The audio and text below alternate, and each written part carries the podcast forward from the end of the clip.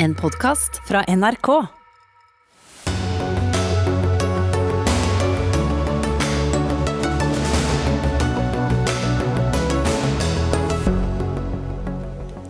Fra forfattere til dansere og komponister, kunstnernes foreninger gjør et opprør mot Ytringsfrihetskommisjonen. Morten Traavik, regissør og kunstner, mener de ikke representerer alle medlemmene sine. Delta-varianten av koronaviruset sprer seg overalt i Europa. Burde også Norge strammet inn?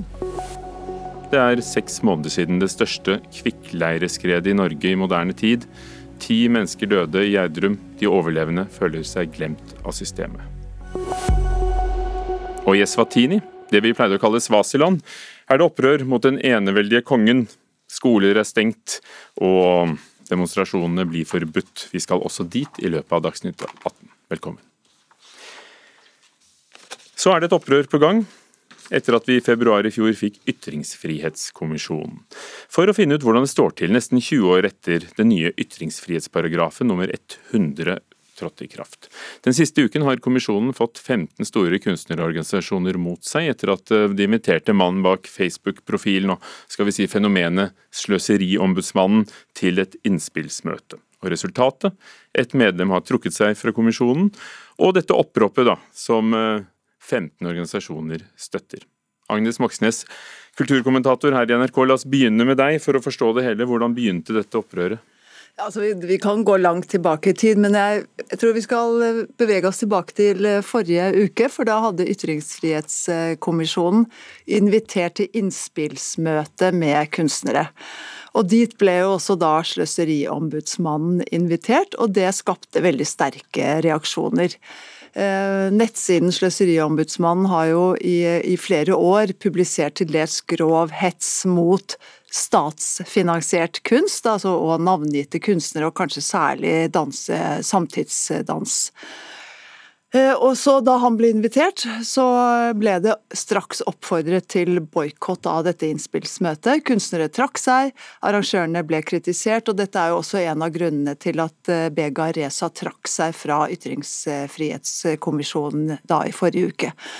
Og så mandag, altså for to dager siden, så kom det et vil jeg si, et nokså overraskende opprop fra 15 kunstnerorganisasjoner. Eh, og da snakker vi om organisasjoner som er veldig avhengige av ytringsfrihet eh, selv.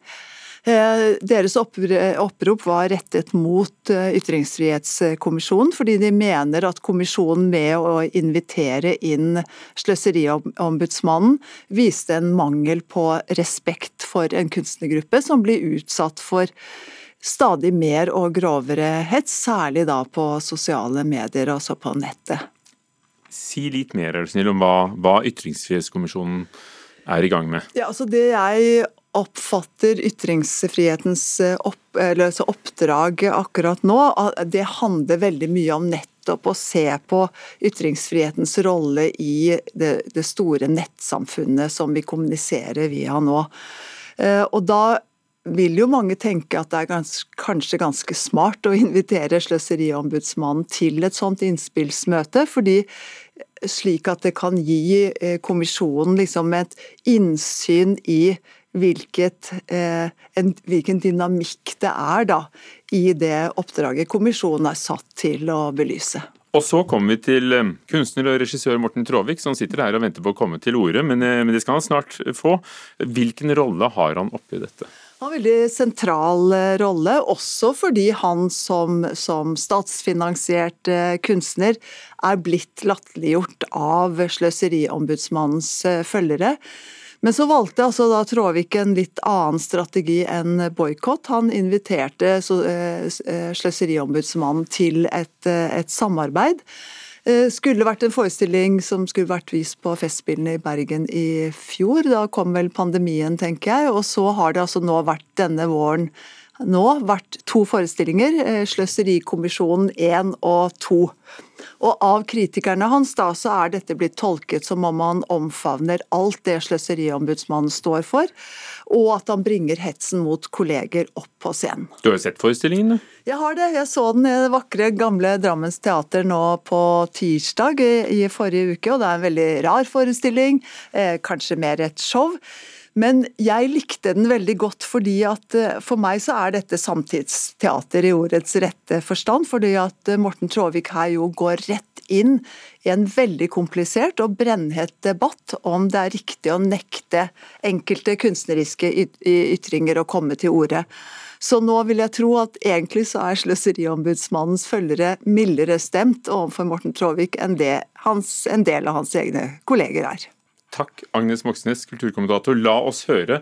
Knut Alsen, leder i Skuespillerforbundet. Dere er en av disse 15 organisasjonene som støtter oppropet. Dere går samlet ut og uttrykker bekymring. Ja, når du hørte det Agnes forteller her, er det noe å være bekymret eh, over? Et kunstnerisk uttrykk invitert inn til en ramme å snakke om ytringsfrihet? Ja, altså Dette er primært en eh, slags metadebatt, hvor vi eh, diskuterer hvordan vi skal diskutere. Eh, og Jeg vil veldig gjerne være med på en saklig og opplyst debatt om offentlig finansiering av kunst.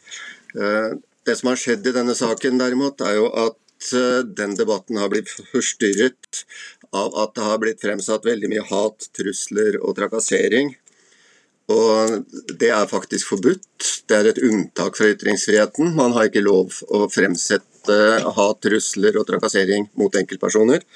Eh, det er også en veldig usaklig debattform. Det er å ta mannen istedenfor ballen, som eh, vi lærte på forberedende. Og I tillegg så er det forferdelig uhøflig. Eh, en annen ting som forstyrrer en saklig debatt om dette, er at deltakerne i debatten er veldig skal vi, skal vi, stoppe ved de poengene foreløpig, og ta med deg Morten Tråvik. Du har laget denne forestillingen, 'Sløserikommisjonen'. Du går hardt ut mot, uh, mot disse kunstnerorganisasjonene i Klassekampen i, i, i går. Uh, når du hører dette, de, mener du har tatt med deg en som driver med dette her, altså Sløseriombudsmannen. Uh, Are Søberg, som, eh, som, da sitter her eh, Du sitter her, inkarnert, men er inkarnert, inkarnert i deg. Vi har snakket med ham. Du snakker på, på vegne av dere og forestillingen. Ja? Ja, først så vil jeg jo bare si at det er jo eh, i, i, all beskjedenhet så er det jo ikke meg som har laget Sløserikommisjonen. Den er jo et produkt av enormt mye talent og, og tid. OK, skyldig. Skyldig. Guilty as charged. Men jeg vil vel kanskje først og fremst, før vi går videre, eh, siden Alfsen igjen trekker dette kortet om trusler, hat og, og trakassering, som også han betegner som ulovlige, kan vi en gang for alle få på bordet noen helt konkrete trusler, eksempler på trusler, som kan settes direkte i forbindelse med Sløserikommisjonen eller Sløseriombudsmannen? Are Søberg ikke er her, så tenker jeg at vi heller snakker om din forestilling, og hvorfor du da mener at, at det er fint å ta med og, være på lag med Sløseriombudsmannen og, og, lage en forestilling av det, og at det er et relevant innlegg i debatten. Jeg snakker mer enn gjerne om min forestilling, men uh, i og med at Alfsen sjøl brakte på bane uh, den ene store, jeg vil jo si bortforklaringen fra å stille til debatt og stille til lekfull uh, samarbeid og samtale, som jo nettopp er denne frykten for påståtte trusler, hat hat og trakassering. Og Da syns jeg at det blir å hoppe bukk over i hvert fall et par elefanter i rommet, dersom man ikke skal adressere og spørre tilbake igjen kan dere være så snill å komme med noen konkrete eksempler. Og Da skal både jeg og Sløseriombudsmannen gjøre hva vi vil for å hjelpe dere å motvirke det videre. Har du et eksempel, Avsen? Jeg tenker at uh, det som uh, det høres ut som vi i hvert fall er enige om, er at uh, dette ikke skal skje. Dette var bare innledning til det jeg hadde tenkt å si. Eh, det jeg eh, syns kanskje er vel så problematisk eh, Så du hadde ikke et eksempel? At, jo, det finnes mange eksempler. Jeg har bare lyst til å okay, føre debatten i retning av det samme du snakker om, nemlig forestillingen til Morten. Jeg tenker at et annet problem i debatten, som ikke har vært så mye fremme, er at debattantene er i veldig stor grad uklar på hvilken rolle de har. Jeg skal gå foran med et godt eksempel og begynne med meg selv. Min rolle er at jeg er scenekunstner. Eh, dukkespiller, nærmere bestemt. Jeg søker Norsk kulturråd om støtte til mine prosjekter. En sjelden gang iblant har jeg fått, veldig ofte får jeg avslag. Eh, I tillegg så har skuespillerne, 1500 skuespillere i Norge, valgt meg til forbundsleder og talsperson. Eh, og Forbundet vårt vi har som oppgave å støtte opp om kunstnere når de blir utsatt for uh, private angrep, usaklige private angrep. Og Det er det ene vi har på dagsorden. En annen dagsorden vi har, er å slåss for at uh, produksjon av scenekunst skal ha best mulig rammebetingelser og offentlig finansiering. Og uh, I tillegg til det så slåss vi for ytringsfrihet. Uh, så jeg tenker Det er helt uh, merkelig når vi blir angrepet for å angripe ytringsfriheten. For det er ikke det vi mener å gjøre. Det vi mener å gjøre er å prøve å klarlegge sånn at vi kan få en saklig debatt om dette her. Tråvik. Og der er rollene... Ja. Takk skal du ha. Var du ferdig, Knut? Nei, han var ikke ferdig, men du får ordet likevel. Okay. Uh, nei, altså Først så vil vel kanskje jeg si at uh, når det gjelder det er klart at i, i, dagens samtidskunstklima så er det jo nesten litt sånn at art is anything you can get away with. Altså Noe er kunst fordi noen sier at det er kunst, og andre godtar at det er kunst. Og Noen av oss lever greit med det, andre lever mindre greit med det. Men i den uh, i de uklare grensene, apropos det som, som jeg synes Knut Alsen også gjør et godt poeng ut av, at de flytende grensene mellom privat og offentlig, mellom kunst og ikke-kunst, og, og det, dette tvetydige terrenget som i hvert fall jeg um, befinner meg i og opererer i, uh, så er vel det en av de siste mener jeg, frihetene som kunsten skal insistere på. Nemlig friheten til å være fri, og til å kunne sparke i alle retninger, og kunne krenke hvem som helst, saklig eller usaklig. Eh, for ellers, så uansett om oppropet fra disse 15 organisasjonene, som jeg tror har gått litt fort i svingen, når man ser på reaksjonene fra en del medlemmer i disse organisasjonene, som nå har gått ut i media, og ikke føler seg representert av det oppropet. Men likevel, når man ser på det oppropet, så deler jo jeg selvfølgelig som kunstner fullt og helt Alfsens eh, engasjement for den frie kunstneriske ytring. Men jeg tror ikke at å lukke seg inne i såkalte safe spaces er veien å gå. Jeg er nok mer for det Mohammed Ali kalte for rope-dope. At en lar seg banke av motstanderen til motstanderen har banket seg ferdig. Og så setter man inn en uh, kunstferdig knockout. Alsen. Ja, eh, jeg kan bare si meg helt enig i det Morten sier her. Og, eh, men jeg tenker at eh, et kunstverk, en performanceforestilling, er ikke et innlegg i en saklig debatt. Det kan være oppspilt i en saklig debatt, men det er ikke et innlegg i debatten i seg selv. Og hvis man Hvorfor kan det ikke være det? Fordi at det, i et kunstverk så gjelder det andre, andre regler for for høflighet og saklighet enn det som gjelder i en saklig debatt. Og Det er nettopp det jeg etterlyser, at rollene er tydeligere. Dette er et kunstverk. Men, men det var jo også Jeg går gjerne på barrikadene for at Morten skal få ja det var jo også invitert til et, et, et innspillsmøte hvor, hvor Are Søberg var invitert. og øh, vil dere ikke, altså Er frykten for trakassering fra, fra enkeltmennesker så stor hos dine medlemmer at ikke de kunne stilt på en, en sånt offentlig rundebord? Jeg stiller gjerne i debatt med Morten Søvik, det er ikke noe problem. Så lenge det er snakk om en saklig debatt, saklig opplyst debatt. Og jeg tenker at det er viktig å, å skille litt snørr og bart her. Kunstneriske uttrykk gir et oppspill til en debatt og belyser saker på nye sider, provoserer til nye tanker. Veldig flott. Jeg står gjerne på barrikadene sammen med Morten og slåss for det. Men tror du at du har alle medlemmene bak deg? Tror du at du har alle medlemmene bak deg? Tror vi ikke mener at det kan ha gått fort i svingene? Altså, øh, jeg tror at jeg har alle medlemmene bak meg i at øh, folk ikke skal trakasseres øh, og ikke skal utsettes for Men at dere skal ha et opprop mot Ytringsfrihetskommisjonen? Vi, da kommer vi til det poenget. Jeg opplever at både Norsk kulturråd, Kulturytring Drammen og Ytringsfrihetskommisjonen de arrangerer debatter og inviterer folk inn. Da har de et redaktøransvar. Så det jeg mener vi gjør, er å kritisere eh, disse som arrangerer eh, diskusjoner for at de ikke tar redaktøransvaret sitt på alvor. Okay.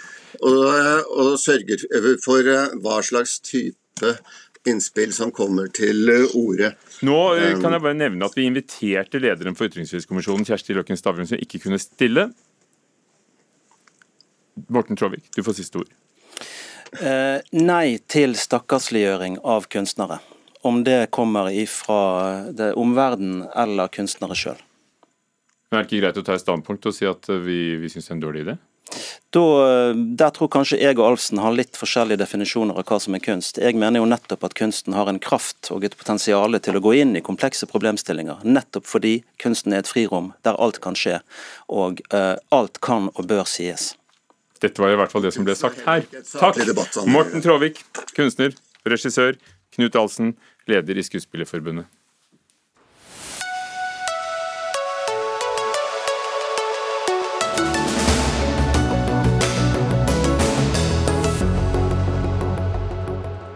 tenke seg til, bare halvparten av unge voksne stemmer ikke ved valg. Og er det mangelen på likes som hindrer oss fra å stemme? Er vi blitt avhengig av å få skryt hver gang vi gjør noe riktig? Det er spørsmålet Synnøve Væreide, kommentator i Adresseavisen, stiller i en kommentar i avisen. Synnøve Væreide, hva tror du er grunnen til at ikke flere unge stiller stemmer Eh, det kan være flere grunner til at dørstokkmila blir for lang for oss unge. Eh, men forskerne peker på at dette kan forklares med at vi akkurat har flytta. Vi er i en etableringsfase hvor vi har begynt å studere eller jobbe. Og dette tar både tid og oppmerksomhet. Samtidig ser vi at valgdeltakelsen er aller høyest blant de som er rundt 70 år. Det er kanskje litt bedre tid. Eh, men jeg mener i alle fall at dette er et demokratisk problem når så mange på min alder ikke bruker stemmeretten sin. Vi lar rett og slett 70-åringene ta valget for oss. Og du tilbyr min... en løsning òg, du? Du foreslår en løsning? Ja. Eh, det er jo min generasjon som skal leve med konsekvensene av dagens politikk, enten det er oljeboring eller pensjonsreformer. Og Derfor foreslår jeg at vi skal teste ut digital stemmegivning for å se om dette kan øke valgdeltakelsen blant oss unge. Pål Pedersen, statssekretær i Kommunal- og moderniseringsdepartementet. Dette ville vel vært en modernisering, du er fra Høyre. Dette har jo vært testet i 2013, for to stortingsvalg siden. Ja, var det en god idé for å få unge til å stemme? Først har jeg lyst til å si, eller gi honnør til Synnøve for å løfte tematikken. For det er viktig at vi setter det på dagsorden eh, nå som vi nærmer oss et valg. Eh, den erfaringa vi gjorde eh, i 2013, var jo at ikke det førte til høyere valgdeltakelse. Og, og Synnøve viser òg i sin, eh, i sin artikkel i Adressa at til, til, Estland, som har hatt dette lenge. Og Det systemet de har i Estland, det, var, det er det tilnærmet det samme som vi forsøkte i 2013 her. Og De har jo heller ikke noe høyere valgdeltakelse enn oss. Og Det som er litt interessant å se, det er jo at ved de to siste valgene så har vi en økning i uh, unges valgdeltakelse. Og Den er spesielt høy blant 18-19-åringene, og så faller den 20-24 eh, år. Og Som Synnøve var inne på, så er nok noe av grunnen til det at da flytter unge på eh, til studiestedet og ut av, ut av, egen kommune, og da blir det litt vanskeligere å, å, å, stemme, rett og slett. Sånn at Det er noe vi har jobba mye med, å sette inn tiltak der for å, for å heve deltakelsen. Og jeg bare lyst til å si at... Men det hjalp ikke å kunne stemme hjemmefra, det er det du sier? Nei, det, det gjorde ikke det. Eh, samtidig så ser vi som sagt at ved de to siste valgene så har vi betydelig flere unge som stemmer, og det er betydelig flere enn i 2013, når vi hadde den elektroniske muligheten. Og Så er det jo en del andre hensyn som òg er viktige her, og som gjør at uh, at uh, det valglovutvalget som vi har satt ned og som har kommet med sin rapport, de anbefaler det ikke. fordi at det, det vurderes som ikke det er sikkert nok, og at uh, en har så mange muligheter for å påvirke hjemme at, uh, at valget kan være vanskelig å ta for ja, ja Synnøve Væreide, for det er jo det, da. At det var en sånn allmenn politisk bekymring også den gangen, så, så vidt jeg husker, over at du kan bli påvirket. Selv om det, det, var sikringer om at hvis du, du, kunne likevel troppe opp uh, på dagen og stemme, og så ville den seddelen telle, og du kunne stemme flere ganger, akkurat som med, med selvangivelsen. Mm. Det, det, er veldig mange eh, ting å ta tak i der, så det er fint oppsummert. Uh, for det første kan jeg si at det var politisk uenighet som var begrunnelsen til at man ikke ville fortsette med denne prøveordninga. Det var ikke fordi det var lav oppslutning blant de som deltok i forsøket. De var faktisk veldig positive. At de er enige politisk om hvordan valget gjøres? Jo, og nå har det gått åtte år, og politikerne har fortsatt ikke klart å bli enige om hvordan vi skal utføre dette. De får dette fint til i Estland. De har holdt på siden 2005 Men de er jo enige om at vi skal gjøre det som i dag? Hva for noe? De er jo enige om at dagens ordning er ålreit? Ja, er vi det? Altså, ja, men Pål Pedersen, du, du, du, er altså statssekretær i Moderniseringsdepartementet. Det er gått uh, en lang tid siden 2013, hvis vi regner digitalt. Uh, det kunne jo vært på tide å se på det på nytt? Det er absolutt verdt sett på nytt. For dette valglovutvalget som leverte sin rapport i fjor, de konkluderer jo i, i, i rapporten med at de foreløpig ikke er sikre nok. Men den rapporten har vi nå til behandling i departementet, og det er nettopp et spørsmål som vi utreder om det er mulig å, å innføre dette uh, når det er sikkert nok. Samtidig så tror jeg det er viktig å Det er ikke helt presist det Synnøve sier om vurderingene i 2013. For det, det at det ikke medførte høyere valgdeltakelse, det var selvfølgelig et vesentlig moment for at den ikke videreførte Men det var i 2013 for, og vi har blitt et mer digitalisert land siden 2013. Ja, det, det, er ganske masse som har skjedd siden da. Ja, det, det man var redd for i gjennomføring av pil pilotprosjektet i 2013, det var ikke først og fremst hacking, det var strømbrudd det bør vi klare å sikre oss mot. Ja, jeg har lest gjennom den rapporten i dag, eh, i dag så, så det, det, det, er flere momenter som, som, var vesentlige der. Samtidig så tror jeg det er viktig å understreke at vi har i dag i Norge, selv om valgdeltakelsen blant unge ikke er høy nok, så er den betydelig høyere enn Estland, som har dette systemet som, eh, som det argumenteres for. Så hva gjør dere for å få flere unge til å stemme? Det vi har gjort og som vi ser har en vesentlig positiv effekt, er at vi sender ut eh, personretta informasjon og SMS direkte til unge velgere. Eh, vi hadde forsøk med dette i 2015, hvor vi hadde kontrollgrupper. og Det viste at det er nesten en 5% økning.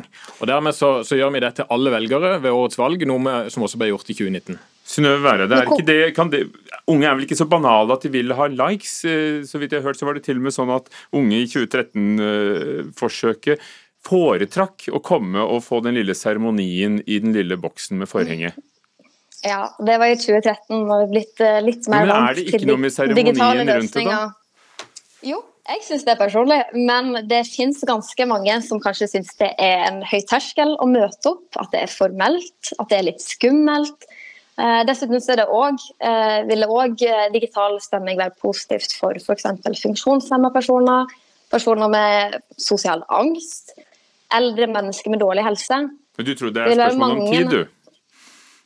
Ja, blant annet. Før det kommer, ja. Jeg altså, når jeg stemte ved lokalvalget for to år siden i Trondheim, så sto jeg nesten en time i kø på biblioteket på Trondheim bibliotek.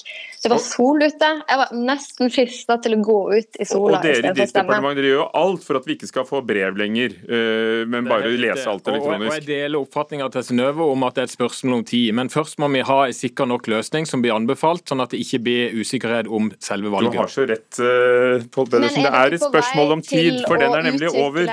Pål Pedersen, statssekretær, og Synnøve Væreide. Det er en tid for alt. Det var vår tid nå, kommentator i Adresseavisen.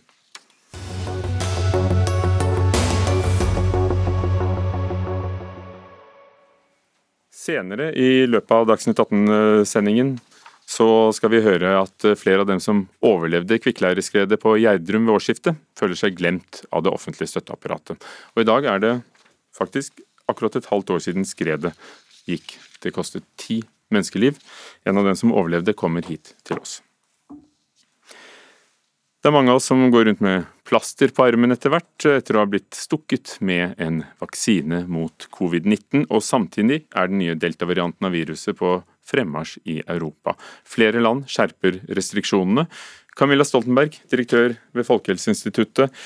Også i Norge har fullvaksinerte pådratt seg koronainfeksjon med delta-varianten. Beskytter vaksinene godt nok? Vaksinene beskytter godt, men vaksinene beskytter ikke alle like godt. Og eh, den, de vaksinene vi har, eh, de beskytter svært godt når man har fått to doser, og noe mindre godt når man har fått én, og noe mindre ser det ut til mot delta-varianten enn mot alfa-varianten, som nå er den vanligste. Og Hva igjen er det som er så spesielt med denne varianten? Det var den som først oppsto i India. Først og fremst så er det det at den er mer smittsom, eh, og så lurer man jo også på om den eh, kan gi mer alvorlig sykdom. Eh, I Storbritannia er de spesielt urolige for dette. Vi er avventende, både fordi det ikke er så mye dokumentasjon ennå, men også fordi at vi har vaksinert med andre vaksiner enn i Storbritannia, og har veldig høy vaksinasjonsdekning blant de som nå har fått vaksine. Er det noe dere tror eller vet at da disse moderne Pfizer- og Moderna-vaksinene beskytter bedre enn en dem vi ikke bruker? Eh, vi vet det ganske godt, eh, men eh, det er fortsatt ikke helt god nok dokumentasjon på det. Så det er en av de tingene vi fremdeles følger med på. For Det store spørsmålet er jo når vi da ser at i Storbritannia og England så har de utsatt planen for gjenåpning. Tyskland har nå innført to ukers karantene for alle reisende fra Russland, Portugal og Storbritannia. og Det er selv om de er fullvaksinerte eller har negativ test pga. frykten for delta-varianten. Er det lurt å avvente? Angela Merkel avventer ikke? Nå er det slik at vi avventer fra dag til dag her. Eh, det er løpende kontakt mellom Folkehelseinstituttet og Helsedirektoratet på den ene siden og Helsedepartementet på den andre siden, der vi både følger med på hva vi nå vet om utbredelsen i Norge, hva vi ser i andre land, og hvilke tiltak som blir iverksatt. Så dette vurderes løpende. Det går eh, fort, som vi vet. og, og ved midnatt så oppheves da denne såkalte ventekarantenen, altså at husstandsmedlemmer, kanskje også kjærester, venter på eh, testresultater fra, fra, folk i nær familie og som de bor sammen med. Um, var det deres anbefaling? Ja, Det var vår anbefaling. Vi tror ikke det kommer til å spille noen særlig rolle. så Det som er viktig å følge med på, er egentlig virkningen av de gjenåpningene som har kommet i trinn tre for ca. ti dager siden, og spørsmålet om det skal komme ytterligere gjenåpninger. Og så selvfølgelig også hele tiden et spørsmål om det er behov for innstramminger. Men det aller viktigste nå er jo å minne om at det er fremdeles tiltak som gjelder, og minne om at Eh, folk bør følge dem for å være med på å bremse ankomsten av delta-varianten og ny smittespredning. Det er tiltak som gjelder, men de er, de er, jo løsere, i hvert fall de fleste steder enn, de var. Og nå begynner folk å reise litt mer. Uh, er det import, altså er det folk som krysser grensene som forårsaker at vi får mer delta-varianter eventuelt? Det er jo import, men så er det jo smittespredning i form av utbrudd også innenlands. Og eh, det er sant, det er høyere risiko nå når folk reiser mer og er mer sosiale. Og det er nettopp derfor vi følger med fra dag til dag. Og så hørte jeg på radioen i dag at vi får noen flere hundre tusen doser med vaksiner som ikke var ventet nå. Er det ikke sånn? Ja, Vi har ikke fått det endelig bekreftet, så vi har foreløpig valgt å være avventende. Vi håper jo at det er sant. Og Hvis det er sant, hva betyr det? Betyr det at vi igjen flytter på datoen for eh, vaksinedose to, eller at flere får dose igjen tidligere?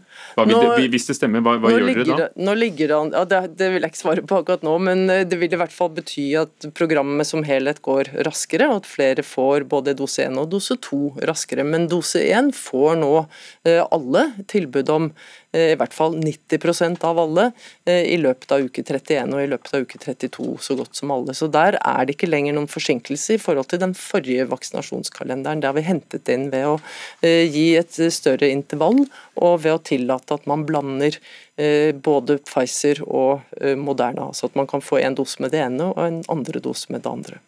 Men du tør kanskje aldri stole helt på de tallene for hvor mye vi får og ikke får? Nei, Det er jo anslag, og vi har lært oss at det gjelder å være avventende og være forberedt på at det endrer seg. Både til det bedre og til det verre.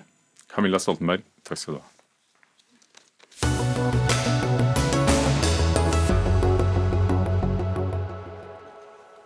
Det er gått seks måneder i dag. Det var klokken fire om natten 30. desember at eh, det store kvikkleireskredet i Ask i Gjerdrum gikk. Det største i eh, Norge i nyere tid, men tross på løfter fra regjeringen om både langsiktige og kortsiktige kostnader som skulle dekkes fra staten, er det store mangler i tilbudet for oppfølging. Jørn Vestersø, du er en av dem som berget livet, men mistet huset og alt du eide. Men du og familien din bor trygt nå et annet sted. Men hvordan var den tiden rett etter skredet? Altså Hvis du tenker på rett etter at skredet hadde gått, så altså vi ble jo med dette skredet ned eh, i gropa. Ble sendt 300-400 meter nedi der. Eh, og ble sittende et par timer eh, i snøværet og vente på å bli reddet ut. Eh, vi ble reddet ut av Sea King-helikopteret. og Akkurat etter skredet så var det det må jo sies, det var en fantastisk ehm, oppfølging akkurat der og da av redningspersonell, politi, brannvesen, sykehus, eh, Olavsgård osv. Det var eh, helt fantastisk. Eh, men etter at dere journalister og sånn trakk dere ut derfra, så har det blitt stille. Helt stille? Da har det blitt Ja, vi har fått én telefon fra kommunen med et standardisert spørreskjema. Hvor de lurte på mm, om vi hadde vært med i raset. Om vi hadde hjulpet til med redningsarbeidet. Om vi noen gang følte at vi var i livsfare. Altså, I forhold til den situasjonen vi hadde vært i, da, så var det helt tåpelige, latterlige spørsmål, egentlig. Hva føler du selv at du og dere hadde trengt?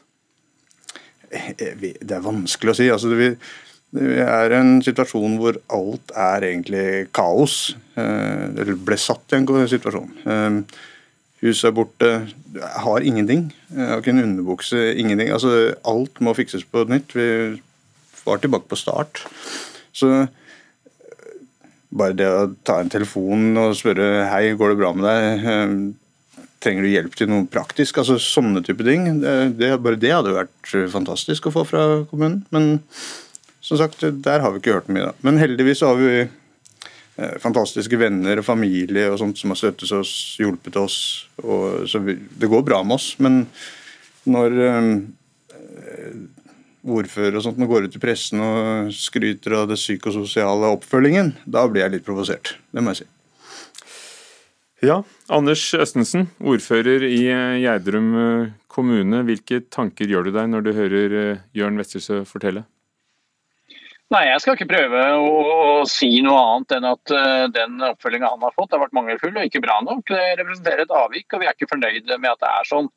Men uh, jeg må jo uh, for min del sette dette inn i en kontekst hvor, som jeg mener er rimelig og rettferdig. Det ja, en, er, hvorfor, hvorfor, ble det sånn? Fordi Vi skjønner at også du synes at det, det skulle vært mer og det skulle vært annerledes? Ja, og det, det, krever litt å gå fra en kommune i normale tilstander til å skulle håndtere Eh, hver femte innbygger var evakuert på et tidspunkt. Det var en enorm stor andel av eh, innbyggerne våre som var berørt. Eh, og det er klart Den akutte fasen da er det en del ting som skjer automatisk, og det fikk vi mye ros for. Men når vi skal begynne å ruste opp apparatet vårt for å kunne håndtere og kartlegge det store antall innbyggere som var berørt, så krever det eh, tid og det krever ressurser. og eh, Der kom vi ikke så raskt i gang som vi skulle ønske. Hmm. Vil du si at dere har fulgt alle de råd og anbefalingene dere, dere fikk? Ja, altså vi, vi, vi, har jo lent oss på NKVTS, som er det kompetansesenteret som, som, best kan lage en ramme rundt psykososial oppfølging.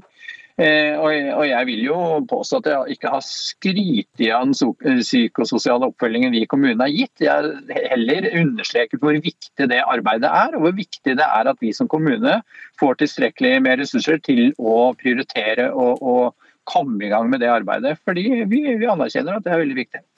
Jørn Westersø, kan du skjønne at det er ikke lett å gå fra en et helt vanlig liv i en helt vanlig liten norsk kommune. Jeg, jeg er ikke ute etter å ta Nei. Anders Østensen eller sånt på altså, Han har gjort en fantastisk jobb i starten av men altså, her var vi 15 stykker som ble heist opp i helikopter. Uh, og det å klare å følge opp de 15 altså, Vi var i en spesiell situasjon. da. Han sier at det er mange hundre som var evakuert. Vi var 15 som ble heist opp. Og ikke klare å følge opp det engang, da blir det litt uh, Ja, det, det er ikke bra, for å si det sånn.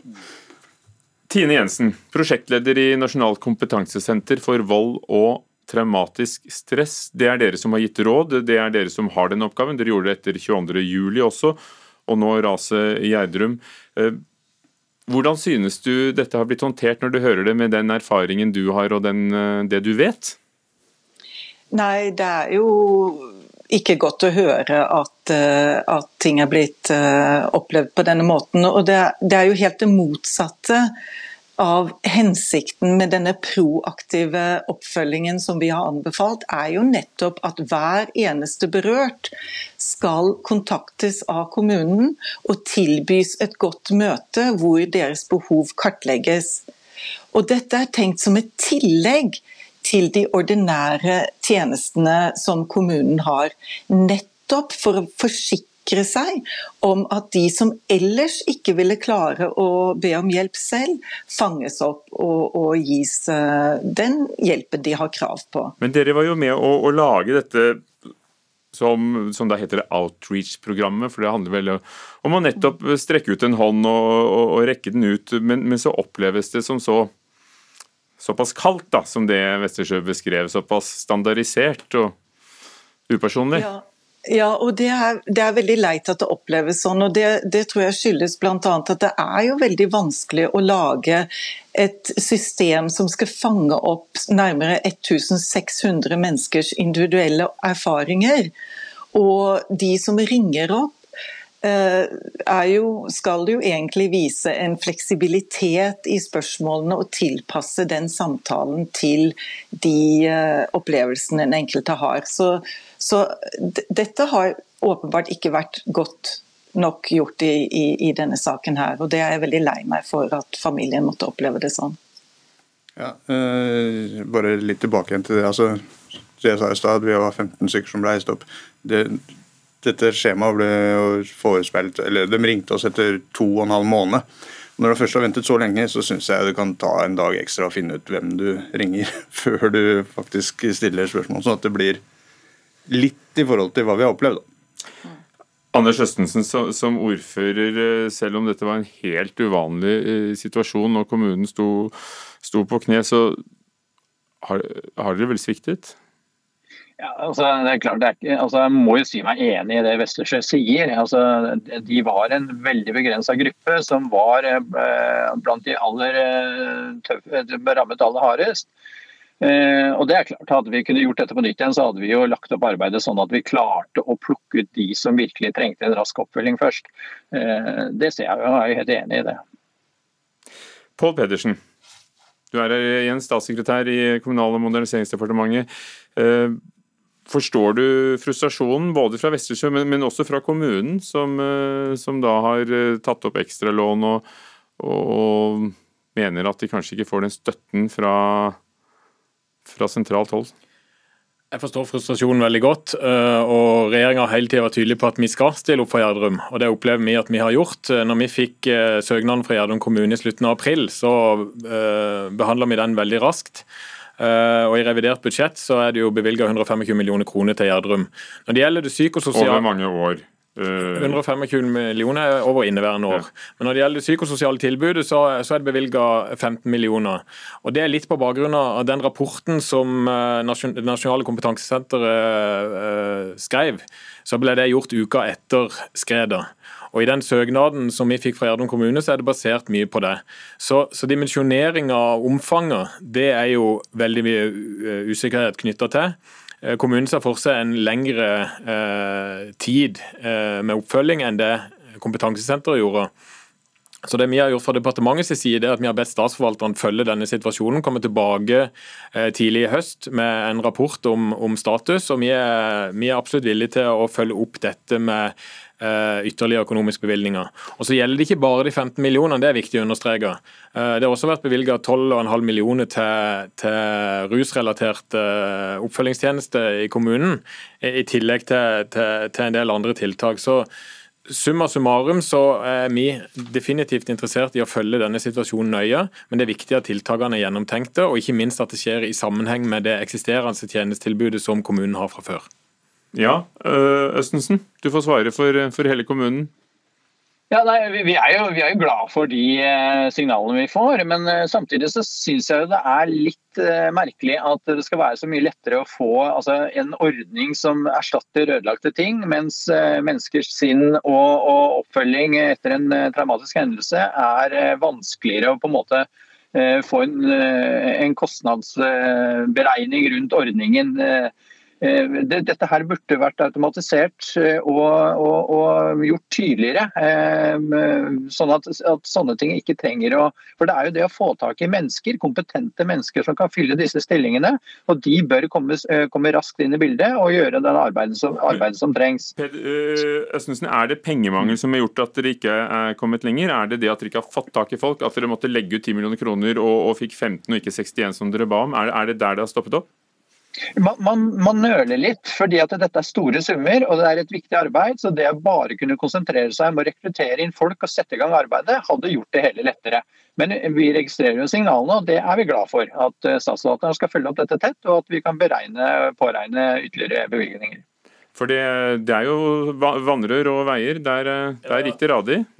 Definitivt. Eh, men jeg tror det er viktig å, å understreke at søknaden fikk vi fra Gjerdrum kommune i slutten av april, og den behandla vi som sagt eh, raskt. Og vi har òg forskuttert 35 millioner kroner til Gjerdrum.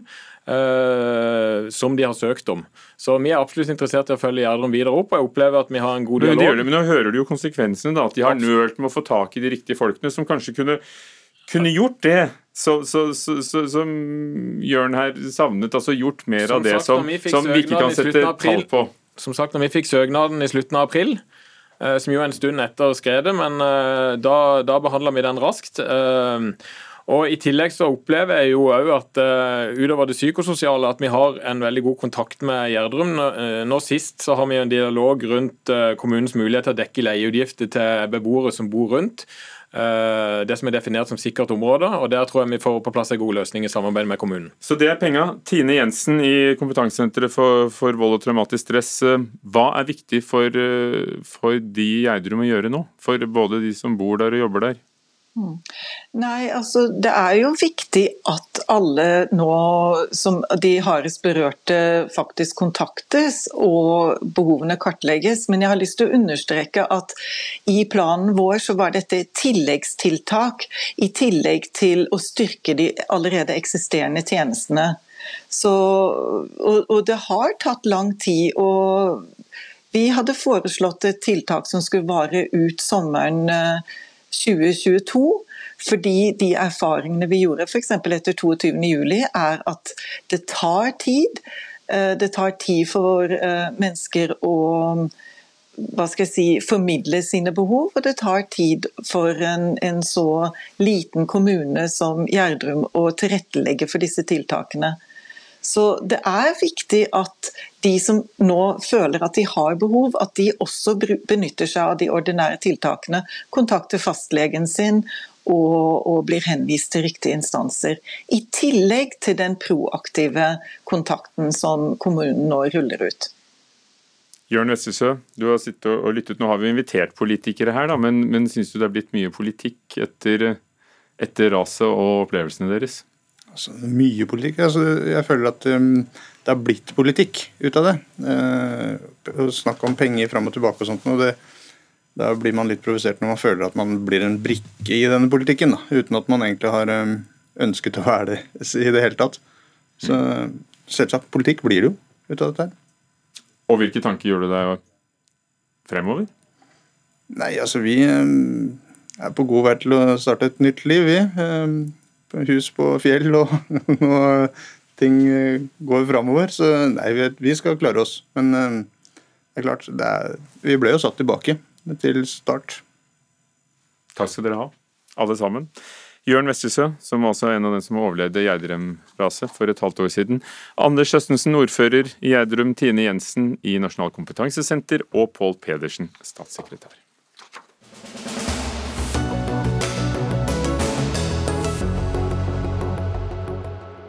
Det er et enevelde igjen i Afrika, der kongen bestemmer. Men er det et opplyst enevelde? Det mener i hvert fall ikke demonstrantene som eh, nå har protestert i Eswatini, det landet vi pleide å kalle Svasiland inntil for eh, noen få år siden, 2018. Eh, nå er det skolen er stengt, og det er portforbud. Og ifølge medier har politiet brukt tåregass og skutt med skarpt for å løse opp demonstrasjonene. Flere er skadd, også to journalister. Afrikakorrespondent Ida Dalbakk, du bor i Sør-Afrika. Det er nabolandet. Hva vet du om situasjonen i Eswatini nå? De bildene og videoene som vi nå har sett fra Eswatini, viser jo at eh, disse demonstrantene har barrikadert seg på de store veiene inn til byene, og at de har brent bildekk. Og Ifølge AFP så forteller jo også flere av disse demonstrantene at over 250 av dem har blitt skadd i eh, disse opptøyene som eh, nå har foregått de siste dagene. Og en ung mann skal også ha blitt skutt av militære Og Foreløpig så har disse opptøyene fortsatt i Eswatini, som da var tidligere Svasiland. Liv Tørres, tidligere generalsekretær i, Folkehjelpen, tidligere direktør ved Nobels fredssenter, og nå direktør for bærekraftsprogrammet ved New York University. Du har akkurat kommet hjem fra, fra New York, mm. men du har også bodd lenge i, i Sør-Afrika og, og, vært i Eswatini, Svasiland, mange ganger. Mm. Hvorfor står vi der vi gjør nå? Hvorfor er det opprør? Langvarige protester og demonstrasjoner mot dette eneveldige kongedømmet. Det har med politikk å gjøre. Dette er i høyeste grad krav om demokrati, rettferdighet, frie valg, anerkjennelse av en fri fagbevegelse osv. Eh, og så er det protester mot det som oppfattes som en særs utsvevende levestil hos en konge som da sitter med all makt, definitivt ikke er et opplyst enevelde, eh, og som lever i sus og dus, for å si det rett ut. 15 koner, eh, flere palasser som er betalt for statlige midler. Hans formue er konservativt anslått, har jeg sett, til 100 millioner dollar. Og den... Snakker om nesten en milliard kroner. Kong Mswati den tredje. Den tredje. Um, Den du har møtt, hvordan lever de? De aller fleste svasierne de lever i største fattigdom. Over halvparten av befolkningen lever på en, under én dollar om dagen. Så vi snakker om et et land med stor fattigdom, også et av de landene som er hardest berørt av hiv-aids i utgangspunktet. Ekstremt dårlig helsevesen, og som nå da får koronaepidemien på toppen av alt det andre. Så dette er jo bakgrunnen for protestene og demonstrasjonene. Eh, så har du hatt relativt gode opposisjonsorganisasjoner. Du har en sterk fagbevegelse som beveger seg inn og ut fra Sør-Afrika inn i Svasteland. Du har eh, politiske opposisjonsgrupper som også har gjort det samme, men som blir hardt behandlet av politi og styresmaktene. Ja, Ida Dalbakk i, i, nettopp Cape Town i, i Sør-Afrika, sett fra Sør-Afrika, hvordan, hvordan reagerer Sør-Afrika på uroen når det nettopp er så nære forbindelser for opposisjonen? Nei, Det har jo vært mye snakk om eh, grenseovergangene her til eh, eh, Svasiland, eller Eswatini, som nå har vært stengt. Mange har ikke hatt mulighet til å reise inn, og ingen har heller hatt mulighet til å reise ut. Det sørafrikanske opposisjonspartiet IFF, Economic Freedom Fighters, har jo støttet disse opprørerne i Eswatini og vært tydelig på at, at dette er en kamp som de må fortsette å kjempe i Eswatini. Eh, også fordi eh, dette som Liv Tørres nevner her, at, eh, at kongen lever i luksus med konene sine på ulike palasser, og har gjort det i over 30 år. Og at det er såpass mange i befolkningen som lever under fattigdomsgrensa. og Det mener jo IFF, Economic, Economic Freedom Fighters her i Sør-Afrika, som er et av de største opposisjonspartiene, at er en kamp som må kjempes i eh, Eswatini, og gir sin fulle støtte til disse demonstrantene som har holdt på der nå de siste dagene. Men er det er det sånn at vi Mange kan jo ha risikert å ha spist en god biff fra, fra Eswatini. Vi importerer 500 000 kjøtt tollfritt i et sånn rettferdig handelssamarbeid med Norge hvert år. Mm. Det gjør at bøndene får bedre betalt. Vi har Norad-prosjekter, eh, det er skoler som finansieres med dette. Men risikerer vi egentlig å fylle lommene til, eh, til kongen her også? Ja, altså det er klart, Indirekte så gjør vi det. Eh, jeg tenker jo det er bra å bidra til å styrke organisasjonen og fagbevegelsen også samtidig. Det er eh, viktig. Eswatini, tidligere Svasiland, er et veldig ruralt underutviklet land. Landbruket ekstremt viktig. Og det er klart Hvis vi kan bidra til at folk ute på landsbygda får litt økonomiske muskler, og at pengene ikke går til kongen, så er dette bra. Men uh, det er viktig å ha, være på alerten når det gjelder å følge med på hvor pengene går her, og ikke indirekte bidra til diktaturets overlevelse i Eswatini. Men det ligger vel i, i oppdraget her fra, fra Norad? Det ligger nok i Nå skal ikke jeg uttale men det er jeg ganske trygg på at de, de er bevisst. Eh, men, men, det aller viktigste akkurat nå er jo å bidra til å styrke disse opposisjonskreftene og demokratikreftene. Eh, og det er definitivt på radaren til sivilsamfunnsorganisasjoner, både i Sør-Afrika og globalt og her hjemme. Ida Dalbakk, hva krever demonstrantene som nå da uh, blir undertrykt av myndighetene her? De har jo ønsket seg demokratiske reformer nå over lang tid, og er skuffet over eh, kongen i Eswatini. Og Det de ønsker seg er jo en republikk der de kan velge sin egen president og leve i et land med, med demokratiske verdier, som de ikke mener at de har sett noe til de årene som eh, kongen har sittet eh, da eneveldig ved makten i Eswatini. Eh, så det er det demonstrantene ønsker seg nå. Og kongefamilien har jo også kontroll over mange av de store forretningene og forbindelsene da i Eswatini. Og eh, de ønsker ikke rett og slett at de som sitter på toppen skal ha så mye makt, og at eh, folket, da som, hvor størsteparten er bønder, fattige bønder, skal leve et fattig liv med en rik konge på toppen som tar for seg med et privat fly og og luksuriøse biler og disse 15 konene som da bor på palassene hans rundt omkring i landet, som er betalt eh, av staten. Jeg hører dere kjemper litt begge to. Er det sånn at folk fortsatt sier Svasiland, eller har det glidd inn i språket å si Eswatini f.eks. i Sør-Afrika? Det er fortsatt mange her som bruker eh, Svasiland eh, fortsatt. Det har jo dette Eswatini-navnet kom jo i 2018, eh, så Svasiland er nok et eh, navn som mange fortsatt bruker av gammel vane. Men det er jo riktig nå å kalle landet for Eswatini. For det er ikke politisk belastet, Liv Tørres, å si Eswatini, Svasiland, akkurat som Burma, Myanmar? Nei, altså jeg syns jo på mange måter at dette er en av de få tingene, om ikke den eneste tingen som er positiv denne kongen har gjort. Altså det å nå bytte til et afrikansk navn og ta avstand fra det landet og navnet Svasiland som ble arvet fra koloniherrene, det var bra. Eh, og så sliter jeg litt med omstillingen, men det er nå på en måte jeg som må jobbe med. og ja. Ida Dalbakk i Cape Town og Liv Tørres, direktør ved Bergplassprogrammet ved New York University. Takk.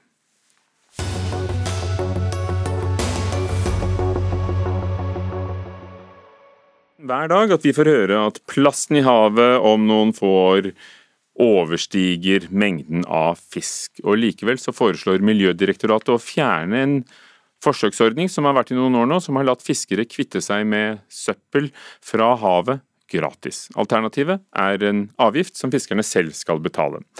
Kjell Ingebrigtsen, leder for eh, Norges Fiskarlag. Hva mener du vi risikerer hvis denne denne ordningen som heter eh, Fishing for litter, altså fiske etter søppel, blir avviklet?